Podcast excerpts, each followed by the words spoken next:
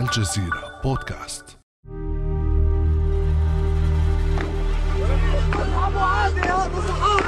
إيش بيش هنسحبه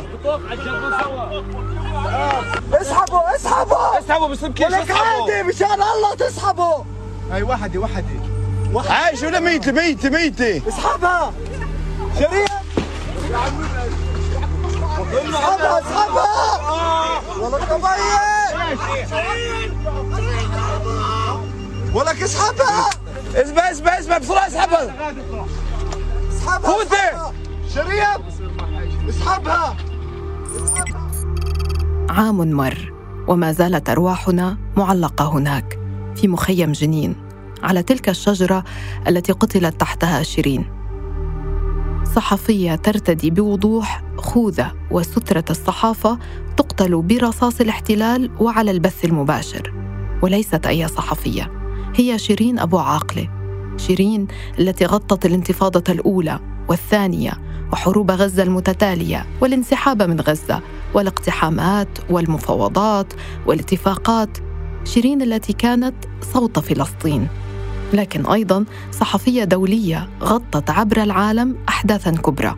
انضمت إلى فريق الجزيرة في الربع الأخير من العام الأول من عمر الجزيرة الزميلة شيرين أبو عاقلة مراسلة ثانية من القدس. مشاهدينا الكرام نقلت لكم قناة الجزيرة على مدار عام كامل تغطية شاملة وكاملة للأخبار من موقع الأحداث في داخل المناطق الفلسطينية والإسرائيلية على حد سواء. وهو ما نأمل أن نواصل القيام به على أكمل وجه في المستقبل أيضا. فترقبوا تقارير مفصلة عن الأوضاع في هذه المنطقة الساخنة. وبعد عام مضى قد يكون القاتل الآن مدججا بسلاحه. يواصل القتل ويواصل اقتحام بيوت الفلسطينيين في جنين أو طول كرم في نابلس أو رام الله أو القدس. لا أحد يعلم.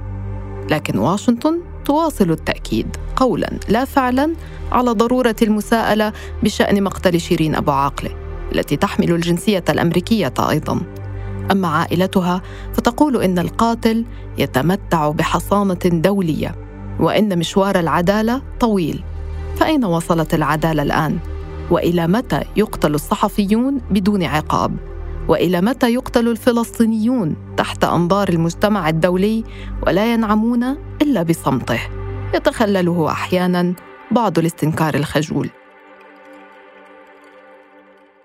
أنا روعة أوجي واليوم في الجزيرة بودكاست بعد أمس سأحكي لكم عن زميلة كانت أيقونة إعلامية في حياتها وباتت أيقونة لكل الأحرار بعد استشهادها.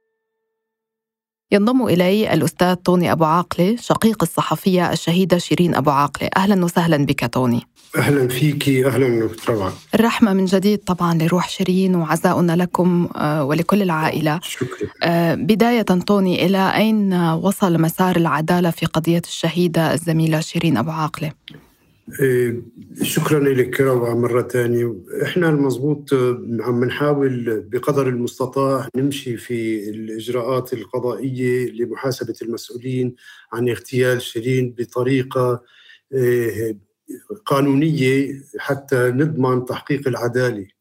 ولكن للأسف كون القاتل من جيش الإسرائيلي من الاحتلال الإسرائيلي إيه، بيعقد الأمور هناك تحديات كبيرة عدم تعاون الجانب الإسرائيلي مع المحققين آه، بيأخر التحقيق آه، عدم آه، إعطاء إمكانية الوصول للمحققين لمكان الاغتيال ومكان الجريمة أيضا ال- التحقيق. فهناك تحديات كبيرة سببها الطرف الإسرائيلي اللي هو المتهم الأول والأخير في اغتيال شيرين. بأخر هذه القضية وبأخر تحقيق العدالة للراحلة شيرين طيب قبل أيام قلت بكل وضوح أن القاتل يتمتع بحصانة دولية من الذي يعطيه هكذا حصانة؟ من هي الدول؟ للأسف هذه الحصانة موجودة من, من خلال الصمت الدولي لجرائم الاحتلال جرائم ممنهجة لاغتيال صحفيين مثقفين سياسيين بدون أدنى اعتراض أو أي محاسبة من من من المجتمع الدولي من الولايات المتحدة من الدول العظمى التي تعتبر وتدافع عن الحريات عن حريات الصحافة. فهذه كلها تعطي القاتل حصانة غير معلنة ولكن بتوفر له الحصانة للاستمرار في عملية الاغتيال وحتى فقدان أي تحقيق لا بنشوف لا أي لا تحقيق في اغتيالات لا من هو اللي اغتالوه؟ ما عندنا معلومات ولكن فقط قرر أحد جنود الاحتلال إنه هذا الشخص خطر إما بخطر عليه إما خطر إما بشكل خطر بدون أدنى محاسبة بتم اغتياله للأسف. وهذه طبعا لانعدام المسؤولية العالمية والدولية بيزيد الحصانه هاي بقويها. طب حمل شيرين للجنسية الأمريكية هل آه، هل دفع بالإدارة الأمريكية لأي تحركات جدية على الأقل الضغط باتجاه التحقيق على الإسرائيليين؟ كان عندنا توقعات ورجاء إنه يكون في دعم من الجانب الأمريكي من الإدارة الأمريكية ولكن للأسف آه، لم تكن هذه التوقعات بالقدر المطلوب. الاداره الامريكيه حاولت تقيم تحقيق بسيط جدا لا يعتمد على أي حقائق تثبت إنه القتل تم بطريقة خاطئة وتستمر في الموضوع وننهي الموضوع. ولكن نحن من طرفنا كعائلة ومن دعم من عدد النواب الأمريكيين اللي بيهتموا في اغتيال شخص أمريكي آه، جريمة حصلت لمواطن أمريكي خارج أمريكا إنه يكون في تحقيق وهذا الدعم أدى إلى فتح تحقيق آخر من قبل وزارة العدل الأمريكية في مقتل شيرين. وبنتامل هذا التحقيق الجديد اللي بتقوم عليه مكتب التحقيق الفدرالي إنه يكون على مصداقية عالية يعتمد على حقائق يعتمد على التسجيلات اللي حصلت في يوم الاغتيال على شهود عيان. إيه، حتى يكون مثل باقي التسجيلات وباقي التقارير اللي صدرت من وسائل الاعلام بما فيها الجزيرة بما فيها بيت سالم بما فيها مركز الحق حقوق الإنسان واللي كان يعتمد على إيه، تحقيق جنائي وهندسة جنائية كاملة تثبت أن شيرين اغتيلت في عن عن سابق إصرار وترصد. طيب هناك منظمات دولية أيضا يعني آه، تحاول دعم التحقيقات منها منظمة حماية الصحفيين آه، كان هناك حديث أيضا في أروقة الأمم المتحدة بالأجهزة المعنية بحماية الصحفيين حول قضية شيرين أبو عاقلة ما هي الجهود الموجودة حاليا من المنظمات الدولية وإلى أين وصلت؟ آه، في عدة تضامن مع الحادثة هاي مع اغتيال شيرين من منظمات دولية مثل ما ذكرتي حماية الصحفيين من ناحية نقابة الصحفيين الفلسطينيين أيضا وطبعا شبكة الجزيرة كلهم مشكورين لأنه آه، أبقوا اسم شيرين وحادث اغتيال شيرين في الأخبار. هذا شيء مهم بالنسبة لنا للعائلة ولإستمرارية القضية. آه، مثل مثل من المكتب نقابه الصحفيين الفلسطينيين أيضا تقدمت بطلب لمحكمة الجنايات الدولية مثل الجزيرة طالبوا فيه بفتح تحقيق في اغتيال شيرين. ولكن بنشوف للأسف هناك آه، تأني إذا أنا ممكن وصفه من قبل محكمة الجنايات الدولية باتخاذ أي إجراءات أو بفتح تحقيق في اغتيال شيرين طيب مع من مستمرون بالتواصل وكيف تتابعون الأمر فلسطينيا على المستوى الرسمي؟ الجانب الفلسطيني بعتقد قدم مشكور جميع الدعم المطلوب لتحقيق العدالة لشيرين. نحن كمان بنقوم على تواصل لازلنا يعني في الأسبوع القادم راح يكون لنا جولة في الولايات المتحدة لاستمرارية الدعم من قبل النواب الأمريكان اللي دعمونا بالأساس لنستمر بهذا الدعم في واشنطن ولنخلي الزخم الموجود الآن من قبل مكتب التحقيق الفدرالي من قبل آه، وزارة العدل الأمريكية على الاستمرار يعني ما بدنا إحنا فقط آه، نقول إنه في تحقيق وننهي الموضوع لا بدنا يكون في تحقيق وفي قضايا جنائية على القاتل. بدنا أيضا بنطالب في فتح يعني في سن قانون لمحاسبة المسؤول عن اغتيال شيرين من عام في اقتراح لقانون مثل هذا ينزل في الكونغرس الأمريكي للتصويت عليه وإن شاء الله يتم الموافقة عليه قريبا. إن شاء الله. طيب تحدثت عن يعني عدم تعاون الاحتلال الإسرائيلي في التحقيقات، آه، لكن هل هناك مضايقات عليكم تحديدا تضييقات عليكم من جانب الاحتلال يعني؟ العائلة عم تعمل كل شيء قانوني وفي مجال القانون فما بعتقد إنه نحن رح نترك مجال للإسرائيل لمضايقتنا في أي طريقة، إحنا كل مسلك عم نمشي فيه كعائلة في مسلك قانوني لتحقيق عدالة للشيرين فقط وهذا شيء واضح. إحنا ما ما حاولنا نعمل نمارس أي إرهاب مثل الإرهاب اللي مارسته إسرائيل على شيرين أو على الفلسطينيين اللي تم اغتيالهم. نحن ماشيين في مسرب قانوني ونتأمل نضل في هذا المسرب لتحقيق العدالة لشيرين. طيب يعني منذ استشهاد شيرين أو اغتيالها هناك العديد من التفاعلات. يعني أدركنا أن أثر شيرين أكبر بكثير من فلسطين. هناك أفلام وثائقية متحف ملتقيات وتجمعات ومراكز. حدثنا يعني عن أبرز التكريمات لروح شيرين يعني وما هي الأقرب لقلبك؟ كل شيء بتقدم لشيرين قريب علينا وبدعم لإبقاء ذكر شيرين لإبقاء إرث شيرين واستمرارية الإرث هذا. يعني بعتقد البعثات اللي تقدمت للجامعات آه، كانت هذه شيء مهم ولكن الحدث الأكبر أكيد افتتاح متحف باسم شيرين بالتعاون بين بلدية رام الله والموقرة وطبعا شبكة الجزيرة الموقرة ومشكورين جميع القائمين عليهم. هذا نعتقد شيء مهم وهذا دعم أيضا لاستمرارية الصحافة وحرية الصحافة بالأخص للمرأة العربية الفلسطينية في في مجتمعنا يعني بالذات في فلسطين اللي دور المرأة ودور الصحافة يعني بعتقد دور مهم جدا لإبقاء ورفع صورة للصورة الموجودة من معاناة الشعب الفلسطيني اللي قام تحت الاحتلال للعالم كله مهم جدا هي مقدسية ولكنها كانت تحب رام الله كثيرا. آه، توني أنت الأخ الوحيد لشيرين وعذرا على الغوص في ذكريات الطفولة لكن حدثنا عن شيرين كطفلة كيف كانت؟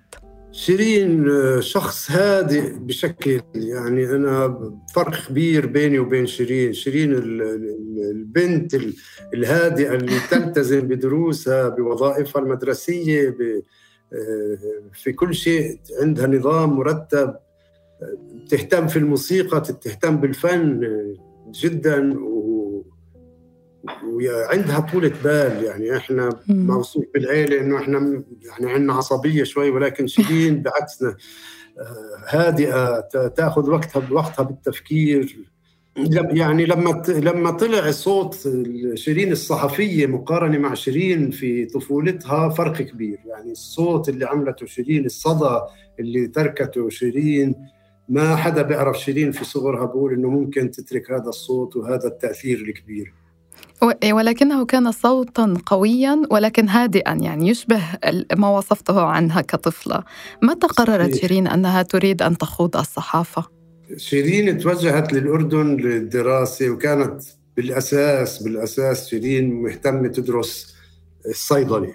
دخلت ولكن كان معدلها في شهادة التوجيه هي matriculation هذه كانت حوالي إذا أنا مش مت... حوالي 97 و8 أعشار وكان بدها 20 تدخل صيدلة. فما تمكنت وسجلت في هندسة معمارية.